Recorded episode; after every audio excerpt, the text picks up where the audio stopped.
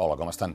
L'etern i incombustible Miquel Iceta ha decidit fer un pas al costat i cedir-li la candidatura a la presidència de la Generalitat a Salvador Illa. No pateixin per Iceta, que va intentar ser president del Senat fins que els vots de la majoria del Parlament de Catalunya li ho van impedir i ara, gairebé amb tota probabilitat, sí que per fi serà ministre, com ho va ser Joan Clos quan va plegar de l'alcaldia de Barcelona o José Montilla just abans de convertir-se en president de la Generalitat. Iceta ha escoltat les enquestes, també les han vist a la Moncloa, que volien començar l'any amb una victòria a Catalunya, que no surt a les xifres, i Iceta, abans de resistir-se i acabar perdent, ell mateix ha facilitat la seva sortida. Heus aquí Salvador Illa, que serà el presidenciable. Estic preparat per presidir Catalunya. Accepto la candidatura. M'ho prenc com un acte de servei. Estic a punt per ajudar des d'on pugui ser més útil llegint aquestes paraules, ell és un home de partit, més encara, d'aparell de partit, d'un partit on l'aparell sempre ha estat molt poderós, com el PSC. La seva carrera política davant les càmeres va començar els dilluns, a les rodes de premsa que els partits convoquen el primer dia de la setmana per començar sortint als mitjans aquell dia mateix. Aquell illa era gris, eh, funcionarial, gairebé invisible, un home que despatxava amb professionalitat el paper de secretari d'organització en un to previsible i pla. I llavors va venir Pedro Sánchez, que el va fer ministre de Sanitat, un altre càrrec de quota catalana del PSOE, on ella hauria pogut continuar fent la seva feina de ministre i continuar portant des de Madrid, que és el que ha fet tots aquests eh, mesos la direcció interna del PSC, amb l'ajuda d'alguns fidels que en diuen els hermanos, però llavors va venir la pandèmia. I a ella també li va canviar la vida i molt. Encara que cal ser justos i reconèixer que el ministre de Sanitat ha sabut convertir un desastre en una oportunitat. A Catalunya han mort més de 50... Perdó, a Espanya han mort més de 50.000 persones per la pandèmia, però ell ha sabut imprimir les seves compareixences un inusual sentit comú, molta serenitat, nula voluntat de barallar-se amb ningú, ni tan sols amb la presidenta madrilenya Ayuso, i menys públicament, i ha defensat la dignitat del càrrec amb aires de perfecte servidor públic.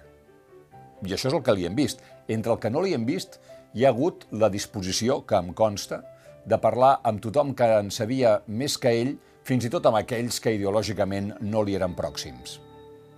Marc Toro explica en aquesta pàgina tot el que cal saber sobre com es va covar eh, el relleu entre Iceta i Illa els darrers mesos. I en aquesta altra pàgina, David Miró fa una anàlisi sense embuts. El nou PSC serà més desacomplexadament espanyolista i diu, capitanejat per quadres desacomplexadament espanyolistes i que, a més a més, han cubat durant els darrers anys un fort ressentiment cap a l'independentisme, al qual acusen d'haver portat el país al precipici. Aquest nou PSC considera que en el postprocés ells han de ser el pal de paller de l'espanyolisme i l'alternativa a l'independentisme.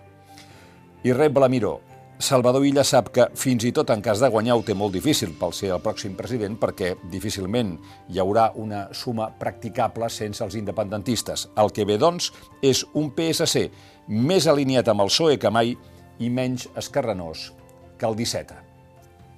Els ho vaig dir ahir, quan Pedro Sánchez eh, va sortir a defensar els indults dels presos independentistes. Se'n recorden de la frase eh, «Eso es por lo que va apostar la ciudadanía catalana el 14 de febrero», que era una manera de dir que estava pensant en les eleccions, eh, que tots els incentius que tenia passaven també pel seu interès electoral, que eh, un bon resultat a Catalunya poder ser una victòria que no surt a les enquestes, era una manera de voler enfortir la posició socialista a tot Espanya, perquè Sánchez sap que a, a Catalunya Ciutadans cavarà la seva fossa i que el PP és un partit menor, molt menor, i per tant podrà treure molt pit d'un resultat eh, dels socialistes a Catalunya que amb tota seguretat ara ja sabem que serà infinitament millor que el del PP i que el de Ciutadans.